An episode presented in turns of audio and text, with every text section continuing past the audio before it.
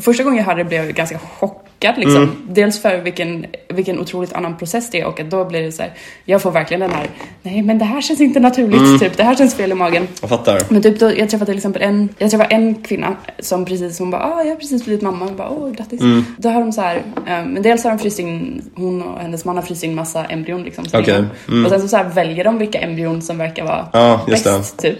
Eh, Liksom. Genetisk profil. Ja, Ja, okej. ja. Eh, och sen så har de liksom surrogat som föder barnen. Ja, gud vad Eh, intressant. och sen så har de ju full time nannies och hela den grejen också så de behöver ju typ inte ha Men någon de är surrogat, med- liksom föräldrar efter födseln också. Det är bara nanny Typ, som... typ, ja. ja.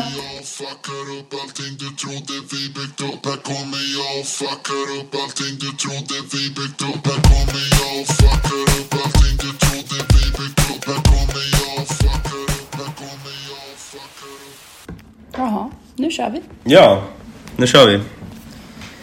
Ja, Välkomna till eh, podcasten Om och Men. Där vi eh, reder ut det ni tyckte var krångligt och krånglar till det ni trodde var utrett. Eh, eller? ja men precis. Mm. Krångla, krångla till det som är enkelt ja. Krångla till det som är enkelt. Ja. ja Och uh, gör det som är enkelt krångligare. det gör vi. Ja, Jag heter Vincent Flink. Och jag heter Beatrice Mm. Erkers. Vad har hänt sen senast, eh, Bea? Ja, men som vi diskuterade så finns det inte så mycket sen senast. Men eh, jag tänker det roligaste som hänt mig de senaste dagarna måste vara att jag besökte Saabs högkvarter igår. Coolt. Coolt. och fick eh, testa att skjuta någon sorts eh, vapen. Oj, oj, oj. Se Ja. missiler. Det Pansarrobot. var- Det var, det var inte riktiga vapen ska jag säga. Det var någon sorts eh, lufttrycks... Eh. Byssan. Ja, men det var spännande. Det var ubåts, eh, ubåtar, JAS Gripen, eh, massa grejer som jag inte har tänkt på existerar förut. Häftigt. Ja, men det kändes aktuellt också med Mm. NATO och allting. Ja, jag fattar. Hur kommer det sig att du kom dit? Var det... Mm, jag snubblade in för jag var med i, eh, jag har precis gått med i en styrelse som eh, med en massa konservativa professionella människor som, som bara av en del jobbar på Saab. Så Mm. då fick vi möjligheten att eh, besöka och testa lite simulatorer. Coolt. High life på Saab. Exakt, ja, det var spännande. Mm. Vad, vad har hänt i ditt liv?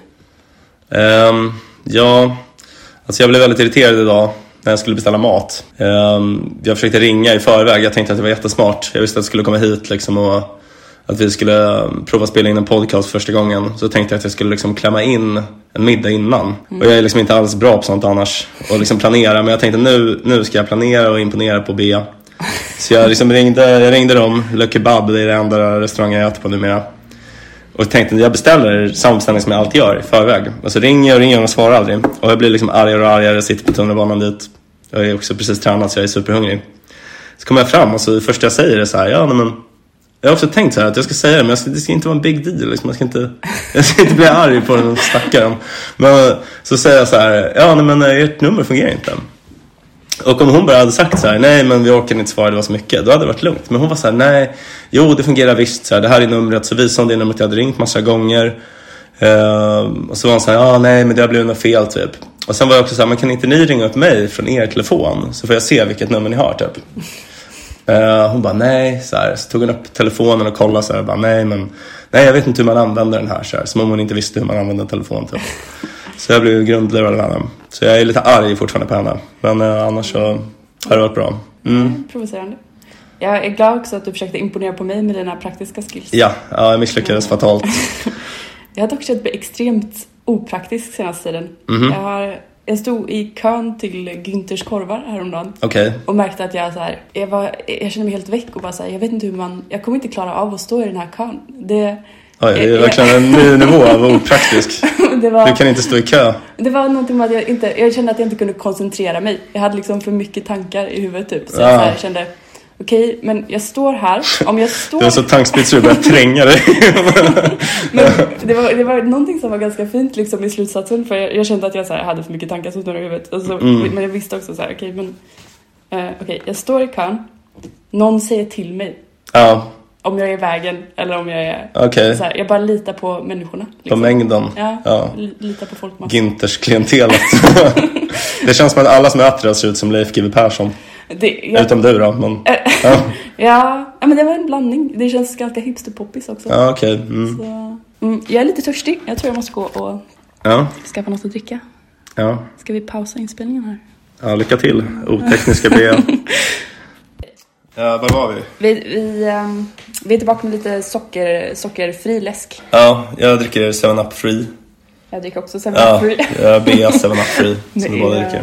Ja, vi pratade om hur otänkbart det skulle vara att dricka sockerläsk. Ja, för att alltså, det är ju inte liksom... eh, socker är ju något som gör saker godare. Det är ju därför man dricker det. Så att om man kan få något som smakar exakt lika gott, men det är utan socker, då är det klart att man inte tar det. Och läsk Eller, är typ inte... det, ja. men, men Ja. läsk är inte tillräckligt gott heller för att vara Nej. värt liksom. Verkligen inte. Eh, Alla ställen som har det ena har det andra. exakt. Så är det. Ska vi glida in på, på dagens eh, stora ämne? Ja, just det. Nej men alltså vårt ämne det, det började med när uh, B och jag då började uh, Stureakademin på Timbro som är typ en utbildning för borgare. Så att man ska liksom bli en borgare eller, eller man är, man ska bli den bästa borgaren liksom. Och ehm, de, de lär, man lär sig om, om olika so saker som borgare ägnar sig åt. Hur som helst då, så vi var där och liksom, jag kände mig på något sätt lite utanför. Jag, jag tänkte mig att kanske du också gjorde det. Ja. Eh, Ut- Gud, med jag, jag, jag, jag fick en chock. Jag, fattade, jag hade inte fattat att det var en utbildning för borgare Nej. tror jag, när jag kom dit. Nej, jag hade fattat det. Men, men, men, men i vilket fall så. eh, så var, jag var där då liksom en kväll och liksom ganska tidigt i utbildningen så insåg jag att det verkliga syftet med utbildningen var bara att bli jättefull. Så det var liksom, man stannade alltid sena kvällar och drack mer och mer öl och det var liksom som en tävling vem som stannade längst. Så att jag var så ganska stolt över att jag ofta stannade väldigt länge och drack jättemycket öl. Jag var väldigt dålig på det där vet jag. Ja, det Det är den borgerliga eh, Exakt. drogen, drug of choice eller vad heter är sant. Den enda lagliga. Ja. Man måste hålla sig inom eh, lagens råmärken. Men maxa det. Verkligen. Varje kväll. Men eh, hur som helst då så satt jag där och var ganska full. Och så var det liksom en tjej som var eh, ganska inne i smeten på något sätt. Hon jobbar för Timbro och så här. Eh, jag såg liksom att hon försökte ta eh, liksom, olika initiativ till att börja prata med mig. Så här. Alltså jag, jag känner inte henne alls men hon så här, ty- liksom jag såg henne på andra sidan rummet och hon så här, tittade på mig som att hon ville gå fram och prata med mig typ. Och eh, det var ju chockerande. Jag har aldrig varit med om något sånt. Men, eh, Kontaktsökande. Ja, det var mycket underligt. Men, men eh, till slut, efter några timmar, liksom, han hade pratat med andra så, så kom hon fram och började prata med mig. Och hon erbjöd mig ett jobb, hör och häpna. Att skriva i en antologi för Timbros förlag. Och jag eh, blev oerhört eh, smickrad förstås då. Otroligt. Ja, men jag tycker det. För jag hade bara skrivit för någon studenttidning typ och jag tänkte så här. Det känns ju väldigt osannolikt att hon skulle ha läst någon eh, oklar studenttidning i Uppsala så här. Eh, men jag tackade ja eh, och så, där, så tänkte jag bara liksom av nyfikenhet så här, fråga jag så här, att ja men hur hur kommer det sig att du frågade just mig? Så här, har, du läst något jag skrivit eller hur liksom ja. Och då svarade hon bara nej alltså egentligen har jag inte läst något du har skrivit men jag tänker att det, det, det är så många tjejer som vill skriva den här antologin och jag, jag tänkte bara eftersom du är man att du, det ser lite bättre ut. Så, så det, ja, då känner man sig inte så stor. Inkvoterad man. Jag blev inkvoterad.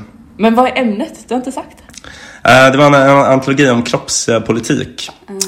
Så det är politiska frågor som rör kroppen och jag skrev om kejsarsnitt. Vad kroppspolitik bryr sig kvinnor om mer då? Ja, jag tror att hon, eh, hon tänkte så. Och jag tror faktiskt att hon har en poäng. Tror inte du? Jo. Abort. eh, nu, nu när jag har eh, blivit äldre och insett eh, Mm. att det är min kropp. Det är, din, det är ofta kvinnliga kroppar. Barn och sånt att göra. Exakt. Ja. Ja. Nej men ehm, så det tror jag ändå. Men ehm, ja, så skrev jag den här texten om kejsarsnitt. Ehm, där jag försöker argumentera för att man ska få välja förlossningsmetod. Står du fast vid det nu då? Alltså det är många som har blivit arga på mig på Twitter faktiskt. Yes. Eh, många av mina kollegor. Mina äldre, mer seniora läkarkollegor som tycker att jag är dum i huvudet. Aha. Så att jag har väl fått en lite mer nyanserad bild. Men jag tycker nog ändå fortfarande att man ska få välja själv. Vill du, ehm, vill du förklara lite vad, vad är det de har blivit arga för? Eller vill du börja i, i änden varför började du argumentera för det i första? Um, men alltså jag kan förklara kort var, varför jag tycker att man ska få välja. Ja. Det är liksom att ehm, det finns två sätt då eh, att, men, att föda ett barn. Och det ena är liksom, vaginal förlossning. Eller det folk kallar vanlig förlossning. Som jag, liksom har, jag vill inte säga vanlig förlossning för det är som så dåligt för mitt case. Att kalla det vanligt. Just det, just det. Men, eh, men det, är ju liksom, det är ju det vanliga. Så, ja. På ett sätt vanlig förlossning. Och sen är det kejsarsnitt då, som är en operation. Alltså att man, ja, men, eh, genom en operation så tar man ut barnet ur livmodern. Ehm, och de här har liksom, två metoder har olika risker. Så typ uh, vaginal förlossning ger större risk för bristningar. Som kan ge så här, inkontinens, att man kan inte ha kontroll över sin blåsa typ. Eller att man liksom läcker urin. Och eh, kejsarsnitt har större risk för blodpropp. Typ. Ehm, och jag tycker att kvinnor borde få välja själva så här, vilken risk de vill löpa. Jag tycker inte att uh, ja, men läkarsamfundet ska välja åt dem. Så här. Jag visste inte att det var ökad risk för blodproppar med kejsarsnitt. Mm. Jag har mer, min relation till kejsarsnitt innan jag läste din text var mer så här. Det är något som man gör om man inte vill, Ja. vågar föda vaginalt typ. Ja, just det. Eh, om, man är, eh, om man är en sån där lite klen Ja, person. Och också verkligen så här haft hela den här för jag tänker att det är en eh, ganska klassisk case av typ natural fallacy eller vad det heter. Att, man, att man tänker att ja, men vaginalt är mer naturligt. Eller det är det naturliga som du sa. Ja. och då tänker man att automatiskt att det är det som är bra. Sant. Men, men jag, jag har också så här nu när man eh, kommer upp i åren lite och eh, börjar prata med kvinnor som har fått barn på, Ja. på ett annat plan. Alltså att det är ens kompisar typ som har Mm. fått barn. Och man börjar inse hur mycket skit Ja. det är. Jo. Alltså även, det är inte bara förloss... För det har man ju alltid fått höra att oj oj oj, det är så jävla jobbigt att föda barn. Det är, Att gör så himla ont. det, är det värsta du kan göra liksom. Eh, Men också att det är så mycket efteråt. Och att det hänger i. Och också så här, att det kan vara skador som påverkar en för resten av livet. Det har jag inte riktigt eh, snappat upp på innan. Men nu tycker jag att jag har, men har flera, flera bekanta som har tagit upp det. Och att det är en sån, alltså att det blir, det är en sån, ett dolt problem. Tycker. Att det är Verkligen. Tyvärr är det ju så. inget man skryter med. Nej. Förlossningsskada. Ja, okej. Och att många kvinnor som rider, eh, Ja, att det är ett problem. Ja, jag kan tänka mig. Ja. Men, men jag har också så här, dels, det finns ju de som tar det för långt. För jag kan känna, okej, jag håller med dig i din analys om att man måste Mm. välja. Det, det är där någonstans du landar väl. ja, jag tycker att man ska få välja helt själv. Finns det de som argumenterar liksom, för jag upplever att det finns de som argumenterar nästan eh, för långt åt motsatsen. Eller jag tycker, jag har träffat en del människor som liksom transhumanistiska Mm. tendenser. Att man vill helt ifrån liksom Mm. eh, det vaginal, vaginala förlossningen och köra Vadå, de vill att det ska vara förbjudet att föda vaginalt? Lycka till att genomdriva det. Det är ju liksom... Ja men jag tror inte, jag tror absolut Ska åka runt i hela världen och förhindra vaginala födslar. Nej, nu ljuger jag. Det var inte, inte att de vill förhindra det, men Mm. att de vill vidare till nästa Ja. steg. Och jag tror, ehm, till exempel nu när jag var i, jag var i San Francisco nyligen, Mm. eh, och då träffar jag många som väljer att föda med surrogatmödrar. Alltså så här, bara för att Ah. de, de har råd. Liksom. Ja. Mm. Eh, och, och det, och liksom, det kan, första gången jag hörde det blev jag ganska chockad liksom. Mm. Dels för vilken, vilken otroligt annan process det är och att då blir det så här, jag får verkligen den här, nej men det här känns inte naturligt, Mm. typ, det här känns fel i magen. Jag fattar. Men typ då, jag träffade till exempel en, alltså okej, jag träffade en kvinna som precis, hon bara ah, jag har precis blivit mamma, jag bara åh grattis. Mm. Då, då har de så här, eh, men dels har de fryst in, hon och hennes man har fryst in massa embryon liksom. länge. mm. Och sen så, så här väljer de vilka embryon som verkar vara det. bäst typ. Eh, Liksom. Genetisk profil. Ja, Ja, okej. ja.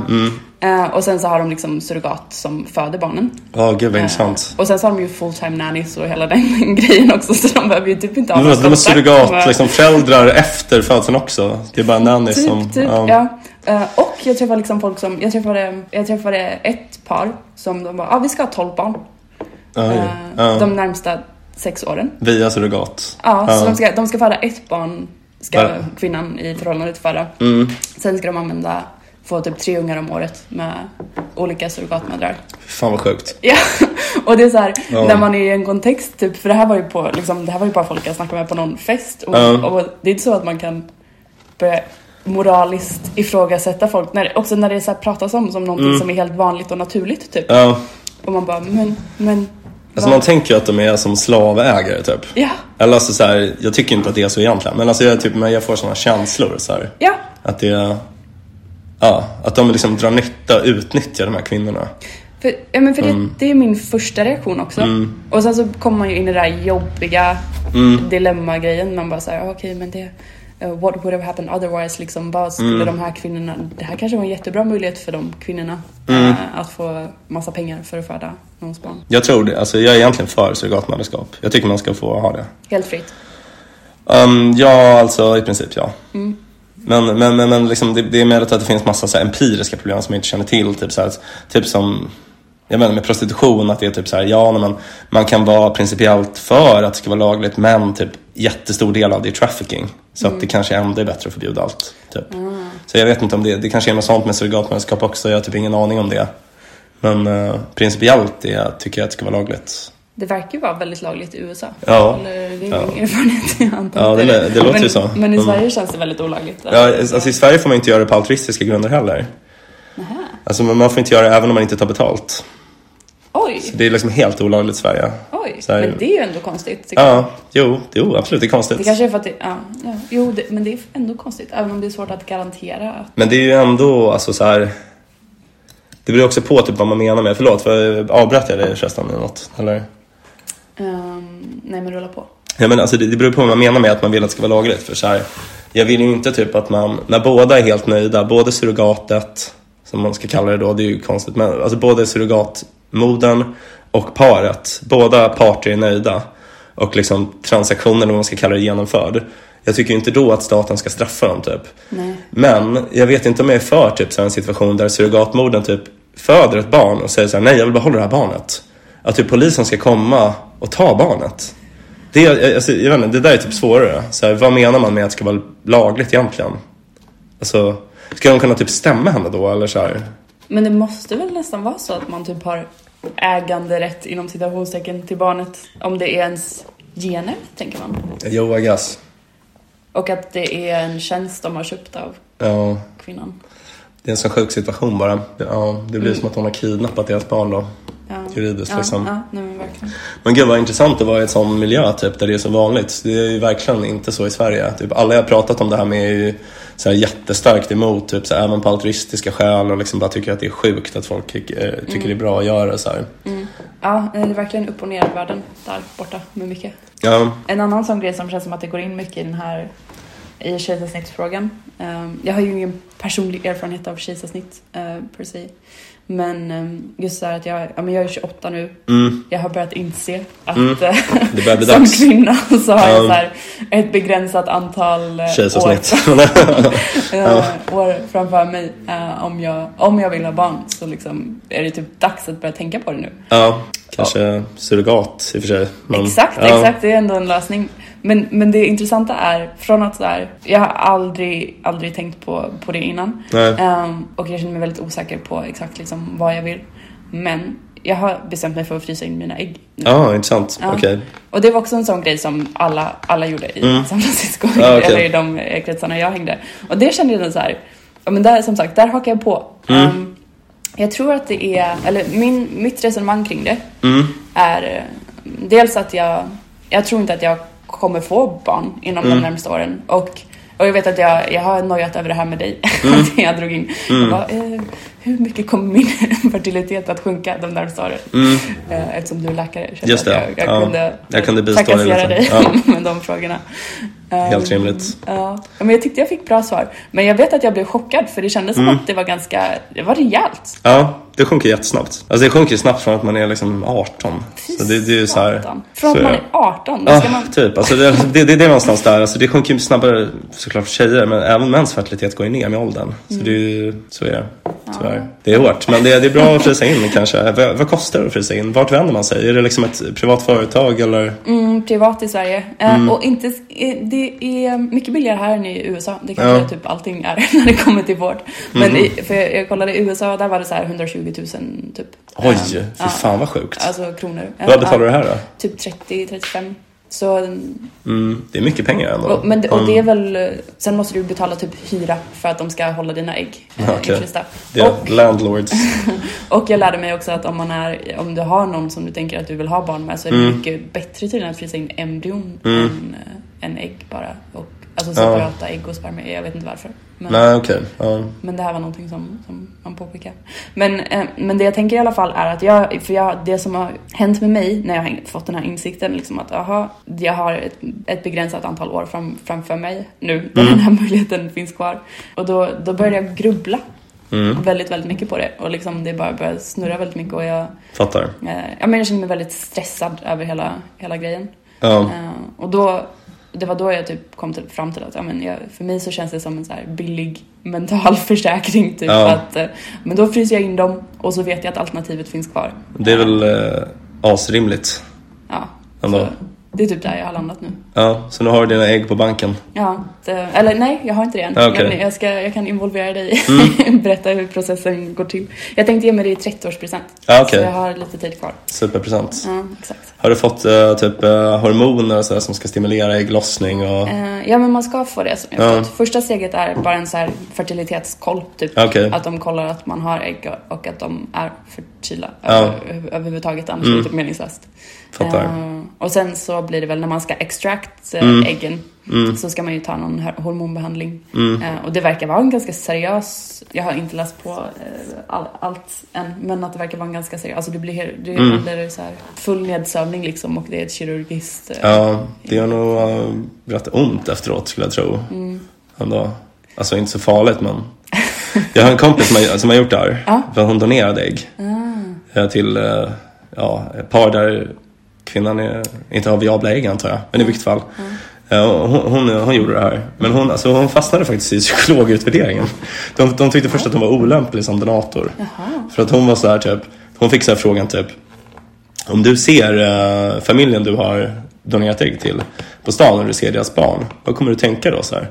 Och då svarade hon så här bara, ja jag kommer bara tänka, där går mina barn, åh vad fina de är, de ser ut som jag, de är så söta så här. Och, och sen hade hon läst sin journal så här, där den här psykologen har skrivit typ så här Nej, kandidaten är förvirrad över sin roll som donator. typ och så här. ja, det var sjukt kul faktiskt. Men hon, hon lyckades? Hon lyckades, eh, hon begärde en eh, second opinion med en annan psykolog och var, då hade vi coachat henne innan.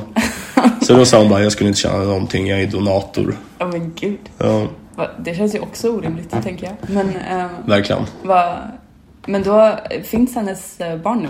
Eller, eller det kanske man ska Ehm, säga barn. faktiskt- Men finns de, de, dessa ättlingar? Produkter.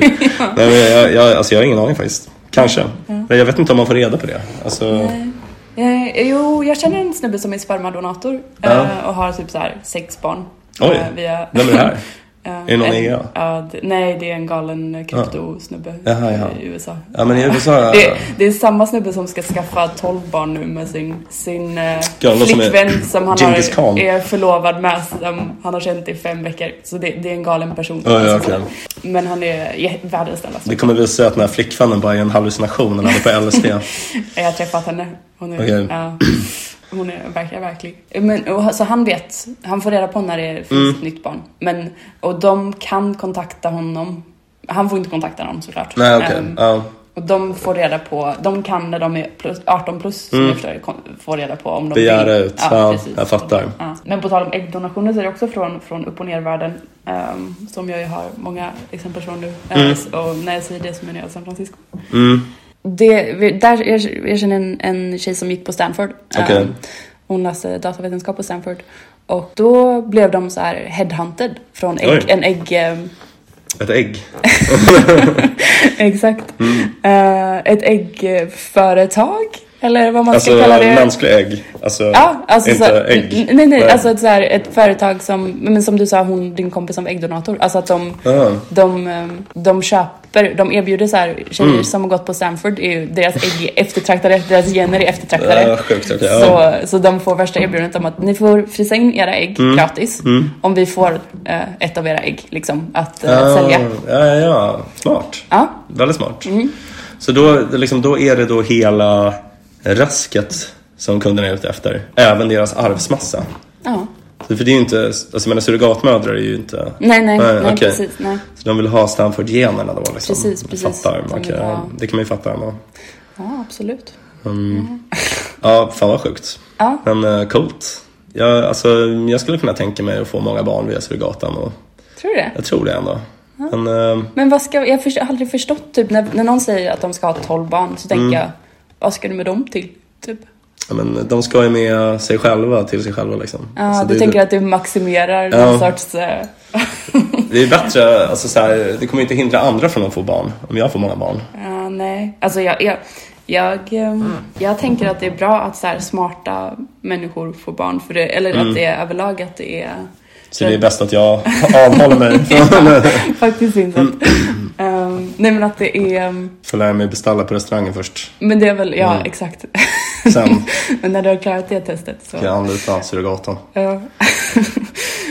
Nej men ehm, det är väl en sån grej, eh, det är väl ganska vedertaget, ett, eller etablerat att Mm. liksom eh, professionals och ju mer utbildad man är, eh, särskilt som kvinna, att man då har mycket lägre, färre Ja, barn. så Liksom, är det. Färre, eh, Alltså det där, det, det där är ju liksom, man, nu kommer man in på lite säkert liksom eugenik eller så här konstiga rasbiologiska vibbar. Men, men alltså det är ju så här, det är ju ett problem typ att den största liksom, selektionseffekten, eller så, här, det, det största, naturliga urvalet nu, åtminstone i väst, det är ju typ att man inte kommer ihåg att använda preventivmedel.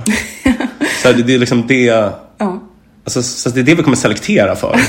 Alltså, så här, det är inte bra, det är en dålig selektion. Sen typ, eh, om, liksom, för att man ska kunna se tydliga effekter så måste ju den här kulturen finnas mycket längre än vad den funnits nu. Jag menar, preventivmedel har väl varit spritt sedan typ 60-talet eller något, 50-talet. ja, Så det är ju inte länge alls liksom. Men om det fortsätter i typ 100 000 år kanske man skulle se evolutionsbiologiska effekter liksom.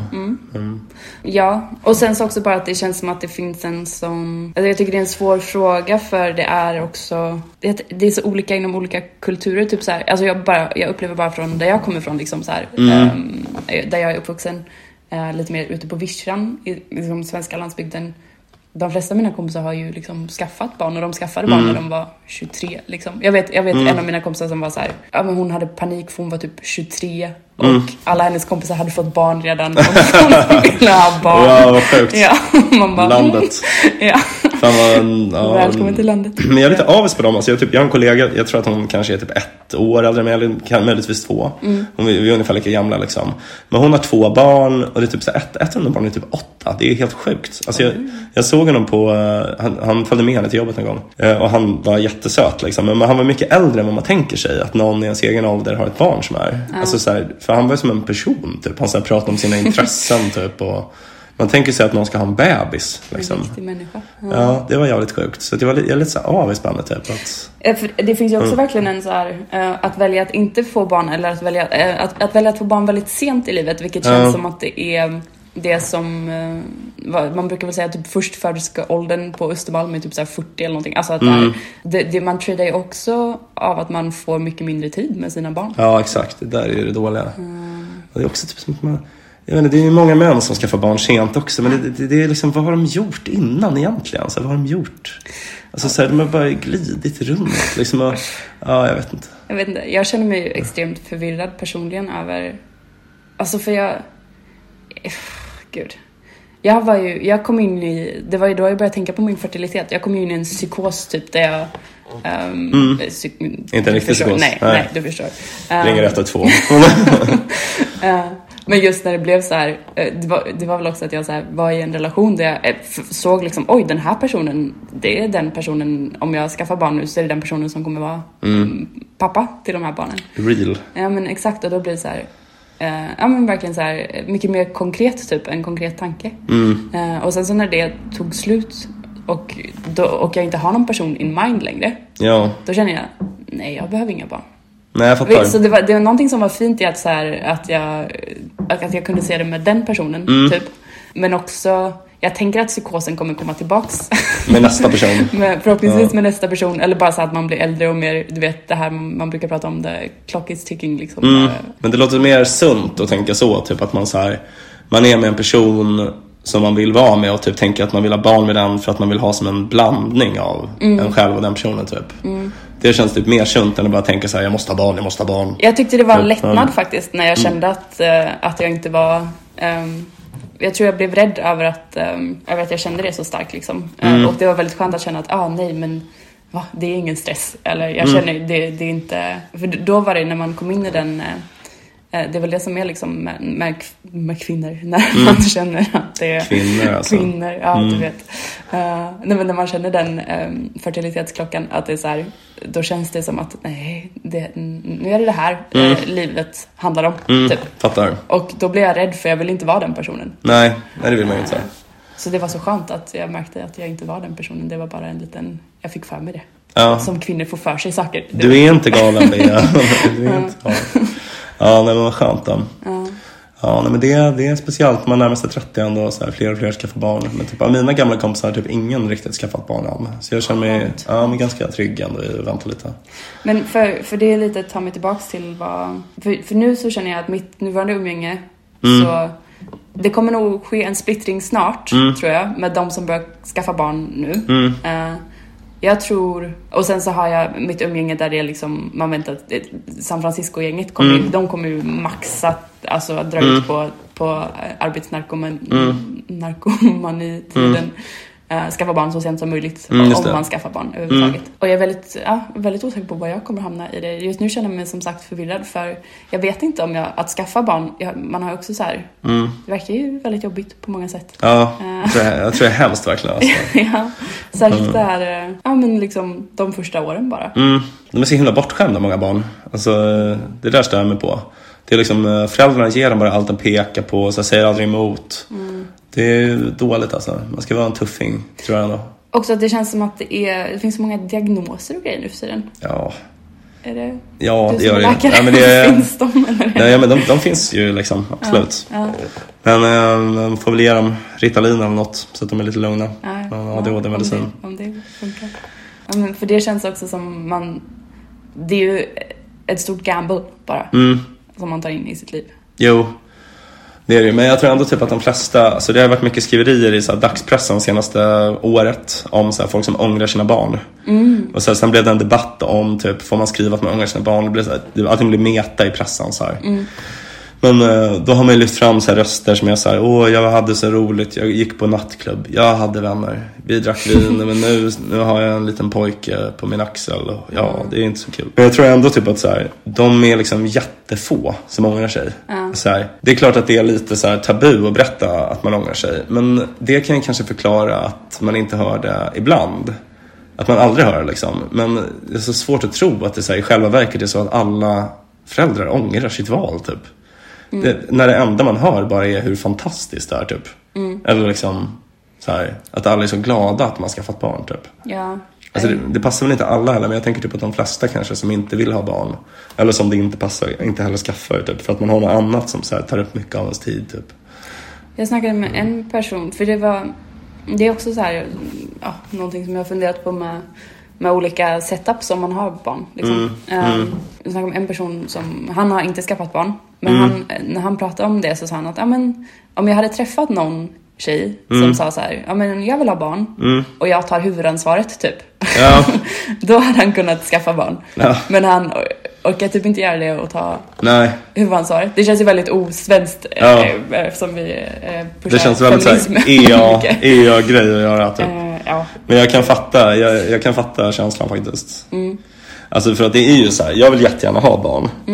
Men jag är ju väldigt så här mån om min tid. Typ Mm. så här, jag, jag kan få panik typ när, när, jag, när jag tänker att folk vill typ lägga rabarber över min tid. så att, så att det, är ju det så här, går ju ganska illa ihop med att vilja ha barn. Mm.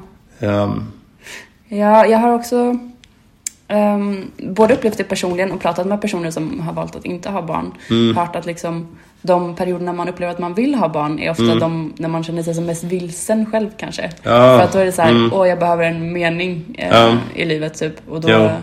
ehm, är ofta liksom en, en sån, ett tydligt sätt att göra det på, ett meningsskapande liksom att eh, skaffa barn. ja, men det är sant. Det är sant. Så jag tänker om man vill det fastän man är glad kanske det är ett bra tecken. Ja, sant. Det, det är sant. Och också, eller man har, jag har hört talas om vissa som skaffar barn i lite olika konstellationer nu. Ja. Typ så här att man kanske är tre vänner som skaffar barn eller sådär. Okej, Um, ménage à trois. ja. Ja. och, ja, men att det är också Mm. så här, då kanske man kan vara lite mer, för man, ja, man behöver ju inte göra det på traditionella sättet. Det är sant, absolut. Alltså jag tror typ att ehm, det är bäst att göra det på det traditionella sättet. Det är det. Jag tror det för att För- Det känns som att det är nästan alltid så det har varit. Typ. Och, eh, det känns som att det borde vara att det finns någon slags fördel med det. Typ. Varför det annars bara skulle ha råkat bli så. Typ. Alltså jag håller med. Ja. Men, men om jag ska försöka argumentera emot dig så... Men att man kan experimentera, men så här, man kan experimentera. Ja, Men man kan inte experimentera med sitt eget liv på det sättet. Typ. För om det blir fel då är det bara så här, "Jaha, nu, ja det är ändå så. Eller liksom, men och då menar du att man tar det säkra för det osäkra bara och kör på det klassiska? ja typ. Ja. Jag skulle vilja att det var typ mycket vanligare i samhället innan jag själv provade det. Ja. Att det var så här, nej men det är typ 10% av befolkningen lever så. Ja. Då skulle jag tycka det var okej. Så om det fun- funkar bra för dem. Men typ om det är så här, nej men det är bara typ eh, unga extremister som gör det här typ. Men det verkar ju bra på pappret så varför ska du inte prova? Kommer du inte på några argument? Typ, alltså, så här. Jag vet inte, jag tänker typ inte så. Mm. Nej, men jag, jag tror, um, jag tror, som sagt, jag tror egentligen också på att eh, det traditionella är Alltså om jag tänker själv på hur jag skulle föredra att skaffa barn så är det på det traditionella sättet. Mm. Men jag tänker också att så här, eh, livet är så jävla rörigt ibland. Och att Verkligen. det är, till slut så kanske man hamnar i en situation där Ja. det är så här, bara, ja, ehm, Sant. eh, jag, jag vill ha barn. Ehm, Ja. Jag tror inte att jag kommer hitta en person att skaffa barn med. Nej, Vi sitter i Hanna Hellquists lägenhet just nu. Just det, Hon är väl ett prima exempel på, just det. eh, på att det finns andra sätt. eh. Har hon skaffat barn? Nej men hon har, Ja. väl, eh, hon har väl pratat om att hon försöker få barn själv. Liksom. Aha, okej. Eh, Med inseminering eller? Ja men precis. Okej, ja, jo, men det kan jag fatta. Fastän hon inte är i någon relation eller något sånt. Mm. Men det tror jag, alltså det tror jag mycket mer på. Än typ såhär... Mm. Ensamma kvinnor som... Ja, men, ja, men, ja, för det är ju så här, jag är uppvuxen med en ensamstående mamma typ. Det gick jättebra. Det var ju såklart jättemycket jobb för henne typ. Alltså, jag håller med, jag är också uppvuxen som mamma. Men, eh, och det, men det, det, jag funderar på om det bara är att det känns mer naturligt inom svensk kultur på något sätt. Att, Ja, här, det är just det här när det är typ tre personer som är typ vänner som skaffar barn. Det känns så här, man kan ju inte, eh, jag vet inte. Ja, det kanske funkar, jag vet inte, jag har ingen aning. Men alltså, jag håller med om att det är förvirrande. Mm, Och jag vet inte exakt eh, vad deras, eh, vad deras setup är. nej, men de har löst det på något sätt säkert. Ja, det tror jag verkligen. Eh, Och det, och det är det som är lite min slutsats ofta när jag tänker på det här är typ så här, ja okej, ja men det, vi, vi kör på det traditionella. Mm, men jag vill att det ska finnas möjlighet till andra val. Jag fattar, Eh, ja. Och att det inte ska vara så frowned upon typ. Att man inte ska behöva känna sig som ett total freak om Mm. man gör det kanske. Nej, Fast det kanske är bra att man känner sig som ett freak för att inte alla ska bara göra eh, Fast just i det här exemplet känns det inte som att det är... nej. Alltså det, vi har ju en, ehm, eller jag har en ekonom jag tycker väldigt mycket om som också har stött på dig på en fest. Ja. Robin Hansson. Kallar så att jag ser ut som Reese Witherspoon. Exakt, det är sant. Men ehm, jag, tycker han är jag tycker han är toppen verkligen. Ehm, han har sagt att eh, ehm, det, det är liksom, i vår tid är det så som två kulturer som stöts mot varandra. Och att det är liksom kulturen, så här hunter-gatherer-kulturen. Och eh, alltså den bofastas kultur. Alltså odlarna. Eh, och han menar liksom att så här, bofastas kultur, eh, det som driver den framåt och får den att hålla ihop är socialt stigma. Så att det är typ så att om man gör någonting fel så, så tycker alla att man är liksom en fel som person. Typ, och så här. Ja, eh, och det kan man säga, det är väldigt mycket som är tabubelagt typ. Eh, och att så här, det här var ett sätt typ att så här, när, när vi blev bofasta så blev vi liksom relativt sett, eller så här, för antalet människor mycket fattigare än vad vi var som jägare och samlare. För att så här, man kunde föda hur många barn som helst typ och så här, eh, men, man var fattigare per person typ. Eh, Och så här, för att hålla ihop samhället så krävdes det sociala stigmat för att alla skulle arbeta för samhället. Så här. Men jägar och samlartiden så menar han, den var mycket mer så här promiskuös. Att så här, folk var inte lika två, levde inte i tvåsamhet i samma utsträckning och liksom jada jada. Och det här var liksom ett tecken på rikedom. Att så här, man behövde inte samarbeta så mycket för man var så himla få och det fanns så mycket som bara växte i naturen. Eh, Men han menar så här, typ, i, här, i vår tid så är människor så rika så att det är så här, en viss del av samhället, så här, extremt rika personer, kommer liksom gå till, tillbaks till det hunter-gatherer. Men det tycker jag mig se. Ja, du har ju satt, du har ju satt Ja, det in jag har ju sett det. Men det han menar är så här att eh, ledarna eh, kommer alltid att så här, ha det här sociala stigmat, den typen av livsstil. Så att de som är absolut högst upp typ, i, i de här respektive hierarkierna. Så även om de typ företräder så här, progressiva värden och sånt där så kommer de själva vara mycket mer så här för att det är typ det som imponerar på så här stora massor. De flesta människorna typ tycker att det är mycket mer imponerande. Att liksom ha en mer traditionell livsstil typ. Um, jag tyckte det var intressant. Det passar in exakt i min upplevelse av allt jag har upplevt Mm. de senaste månaderna. Det var Ja. väldigt intressant att höra. Ja. Nej, men han, är, han är sjukt bra tycker jag, Robin Hanson. För om, om jag ska sammanfatta det jag har upplevt så är det liksom att eh, när man är på, om, om jag tänker att man är mer i bondesamhället, om jag tänker på det traditionella, att man ju är så extremt beroende av sina medmänniskor att man behöver verkligen bara veta att lojaliteten finns där. Ja, Um, medans, ehm, och då i upp och nervärlden San Francisco, eller bland de rika i San Francisco, så, så är det ju, eller bara rationalist-communityt eller liksom EA-communityt, att det är, man, man är så oberoende av andra. Verkligen. Att man är så, och då, ja. det är så mycket te- techpengar som har pumpats in så att folk har fått storhetsvansinne liksom. Och bara kan leva som de vill typ. Ja, men och då är ju frågan vad man ska lägga för bedömning i det där. För jag känner mig ju väldigt kluven personligen till det. Um, Jag känner, för de, de kan ju vara väldigt övertygande i sina argument kring att men det här är det rationella. Liksom. Det, är, det är orationellt att tro på, eh, på monogami. Och, just, och jag håller verkligen med om, ehm, om det här, men som typ uh, Liv Strömquist har pratat om, att, så här, att Ja, att ehm, monogami är liksom vår tids religion typ Mm. i Sverige. Att det är så här, man tror att det är där man ska få frälsning. Ja, just det. När du Ja. träffar ditt livs kärlek, då blir du frälst liksom. Och det upplever jag verkligen har gått för långt. Samtidigt som jag så här upplever att det finns väldigt, dels finns det väldigt mycket grupptänkt inom rationalisten också. Ehm, att det är så här, eh, och grundaren av stora rationalistcommunityt är väl typ Eli, Eliza Jakovsky som Mm. Mannen vars Som- förnamn är omöjligt att uttala. Eliasier. alla hans namn är omöjliga att uttala. Jag menar att han, man brukar prata om att han, men han var polyamorös liksom. Eh, Och att det är en sån här founder effect typ. Lite oväntat på ett sätt. Men, men okej, ja. Ja.